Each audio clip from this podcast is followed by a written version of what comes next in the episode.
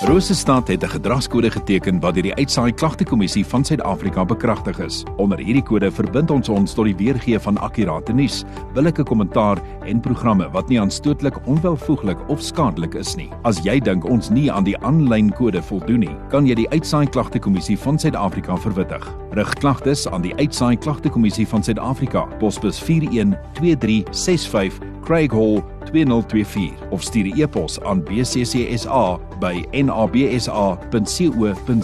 Vir verdere inligting, besoek www.bccsa.co.za.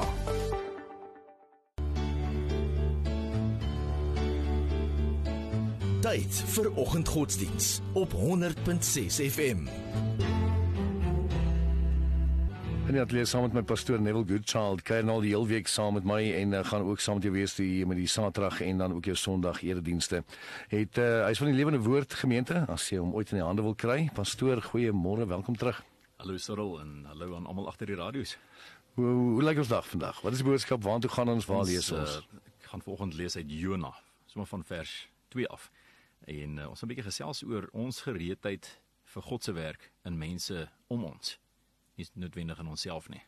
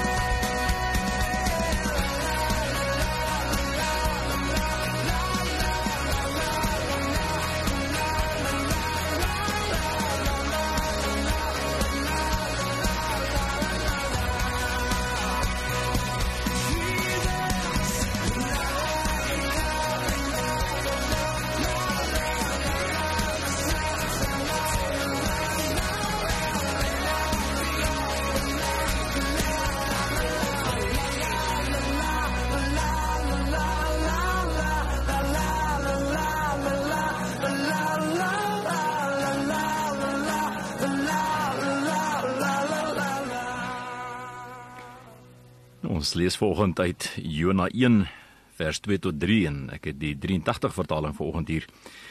So kom ons lees saam. Maak klaar, gaan na die groot stad Ninive toe en spreek hom aan, want ek weet hoe sleg hy is. Maar Jona het klaar gemaak om na Tarsus toe te vlug, weg van die Here af. Jona is af Joppe toe en daar het hy 'n skip gekry wat op vertrek was Tarsus toe. Hy het toe vir die reis betaal en aan boord gegaan en saam met die bemanning Tarsus toe gegaan, weg van die Here af.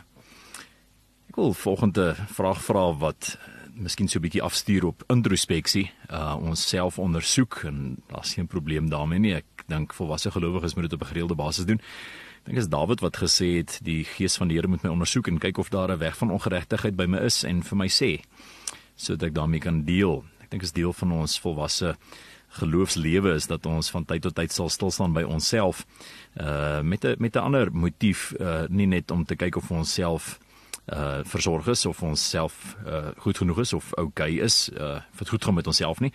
Uh, ek dink om so 'n bietjie te soek binne in onsself of ons in lyn is met God se wil, God se hart, God se woord, uh God se wil vir ander mense. Uh, of ons die hart van Jesus regtig deur ons lewens en ons lewenstyl kan oordra. En en ons stuur bietjie daarna toe uh vanoggend, ons gaan môreoggend verder gesels uit uit hierdie gedagte uit uit Jona 1 vers 2 tot 3 en ons bietjie uit Jona 4 ook gesels. Maar hier's my vraag en ek hoop jy's reg vir my vraag. Uh is jy gereed dat God jou vyande kan vergewe?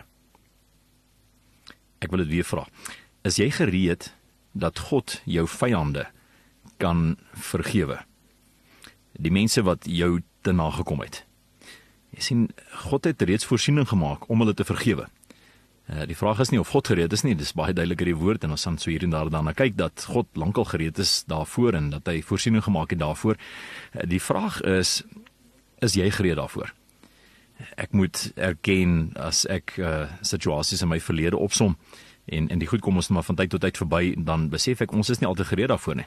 God is altyd gereed daarvoor. Maar ons is nie altyd gereed daarvoor. Ons staan nie altyd in 'n plek wat ons saam met die Here kan werk en by die Here kan aansluit en God se hart kan uitleef en en ondersteun en en ambassadeurs wees vir God se motief teenoor alle mense om ons nie. Eh, dood eenvoudig omdat ons nie gereed is vir wat God wil doen nie.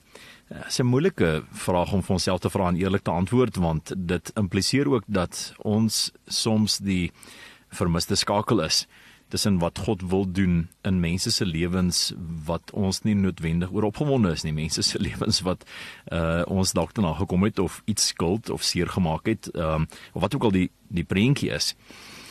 Kom ons sê also 'n bietjie oor Jona. Um Jona is 'n interessante individu vir myself. Uh, dis altyd vir my goed om die al die byskrifte te lees en die uh, ondersteunende um, inskrywings te lees wanneer ons deur 'n gedeelte lees in verband met iemand se persoonlikheid. En dit is vir ons baie duidelik dat dat Jona is 'n is 'n emosionele mens. Ehm um, hy uh, hy's reaktief. Uh, Daar's 'n groot reaksie wanneer God op Jona se knoppie druk en sê ek wil jou gebruik. Uh, jy is tog die profeet en ek wil hê jy moet na Ninive toe gaan en en en as onmiddellike reaksie by Jonas ons kan ons kan sien hier's hier's 'n persoonlike stryd hier's 'n probleem in Jonas se eie hart teenoor Ninive. Ehm uh, Jonas reageer emosioneel. Uh, hy's ook nie baie gemotiveerd nie. Ons ons kan hom 'n ongemotiveerde profeet noem. Ehm um, hy hy kom nie aan die gang nie. Dis net asof Jonas homself nie aan die gang kan kom tot aksie kan kry om te doen wat God van hom verlang nie. En en en tog is Jonas baie bekend met God se wil vir mense en God se woord in mense se lewens. Hy's hy's die profeet in daardie tyd. En um, en Jonas nie beskikbaar nie. Jonas net as gevolg van sy eie hartstoestand, sy eie emosies, sy eie belewenis, miskien sy eie ervarings, miskien sy eie storie met Assirië. Uh Nineve is die hoofstad van Assirië. Uh miskien het, miskien is dit Jonas se storie met Assirië, die geskiedenis van die uh, Assiriërs en die Hebreërs, uh, die Jode, uh, wat Jonas se probleem in sy hart is. So so God gaan roep vir Jona om in Nineve te preek En Jona maak dit baie duidelik, hy wil niks met enige Assirier te doen hê nie. hy maak hy maak geen geheim hiervan nie. Uh, dit is amper asof hy uitskreeu met sy optrede, met sy reaktiewe optrede. Ek wil hiermee niks te doen hê nie. En hy hardloop weg. Hy gaan verder as weghardloop. Hy gaan soek 'n hawe met 'n skip wat op pad is. Uh dit klink vir my of of hy dalk bietjie navraag dag gedoen het oor watter skip die eerste gaan vertrek en om seker te maak dat hy nie daai bus mis nie en uh, dan betaal hy sy eie kaartjie. En die woord sê hy het betaal om op die skip te kom en hy's uit die hawe uit. Hy het uh, hy het ooreageer toe hy hoor God het Ninive van alle plekke in gedagte. Hy hardloop weg van dit af. Groot emosies. Hy sal liewer wegseil of wegvlieg as om sy naaste te vergewe. En dis duidelik dat Jona het nie die Ninevite of die Assiriërs lief nie. Hy sê ek gaan hierdie nie doen nie. Dit is my interessant weer eens as ek die woord kan gebruik aan die ander kant van dieselfde muntstuk dat uh wat ons as gelowiges die meeste vier in ons eie lewens is die feit dat ons vergewe is. Ons ons ons eie vergifnis is die grootste viering onder gelowiges. Wat ek bedoel daarmee is is vir meeste gelowiges is die groot gesprek gaan ek hemel toe. Is ek gered? Uh, dit is niks minder as die gesprek oor vergifnis nie. Enigste rede hoekom ek vir ewig lewe en uh, vir ewig saam met die Here sal wees en nie verlore sal gaan nie. En noem dit soos jy wil. Die enigste rede is is omdat ek glo dat ek self vergewe is. Daar's geen ander rede nie. Ek glo ek is vergewe. Die bloed van Jesus Christus het voorsiening gemaak so ek en jy is vergewe. Dis die saak wat ons die meeste vier in ons lewens, dis wat ons vier in nagmaal, dis wat ons vier in ons Christendom, dit is die vertrekpunt van ons geloof, dit is ons vrymoedigheid om te aanbid, dit is ons rede en vrymoedigheid om te uh, te bid en te aanbid, uh, die woord van die Here vrymoedig te lees, met die woord van die Here om te gaan, uh, te praat oor ons Christendom. Die hele basis daar, die vertrekpunt is ons eie vergifnis. Ons is vergewe. Ons eie vergifnis is wat ons die meeste vier in ons reis as kinders van die Here.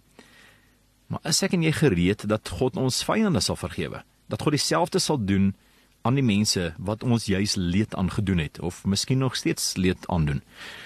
Is interessant ook dat daar uh, ooreenkomste is tussen Jona en Jesus.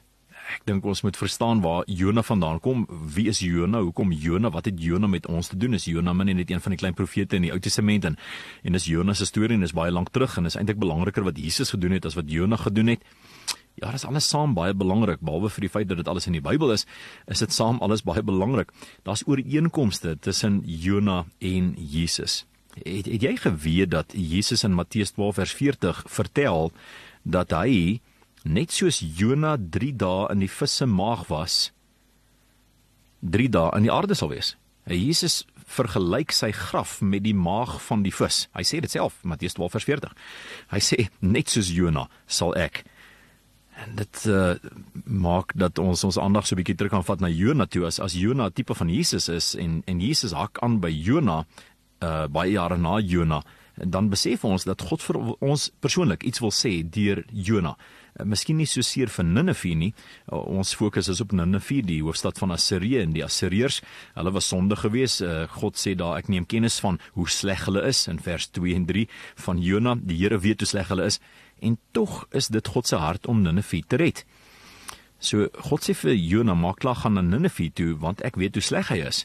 En dan die volgende vers sê en Jona het weg van die Here afgevlug. Jy sien Jona weet dat God se hart is om hulle te vergewe en te herstel en te versoen wat dit nie kan verdien nie. En en Jona sukkel hiermee want Jona het 'n geskiedenis met die Assiriërs. Miskien kan ek vinnig ietsie oor sê. Die Assiriërs was verskriklike wrede mense gewees. Die Assiriërs was bekend gewees vir hulle taktiek in oorlogvoering. Uh dis 'n uiterse wrede nasie gewees. Hulle het verskriklike baie moeilikheid veroorsaak vir die vir die Hebreërs, vir die Israeliete. Um hulle het uh, baie skade veroorsaak vir die Israeliete. Hulle is groot vyande gewees van die Israeliete. Uh die die kontak uh, sessies wat daar was tussen die Israeliete en die in die Assiriërs was nie goed gewees vir die vir die Israeliete nie. Um dis 'n dis 'n baie geweldige sterk intimiderende uh, weermag gewees wat geweldig baie vrees afgedwing het.